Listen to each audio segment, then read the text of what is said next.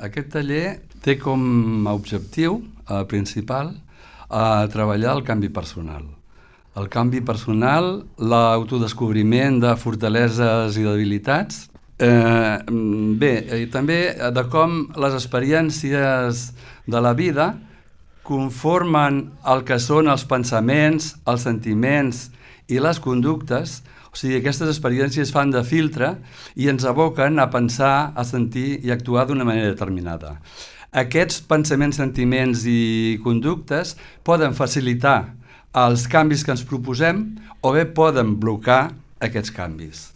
Llavors, eh, es treballarà sobre això. Hi haurà continguts teòrics on parlarem sobre conceptes de lo que és identitat personal, com està relacionada la identitat personal amb el canvi, de personalitat, Eh, eh, després, com a continguts pràctics, farem també eh, exercicis o eh, parts, parts experiencials o vivencials, no?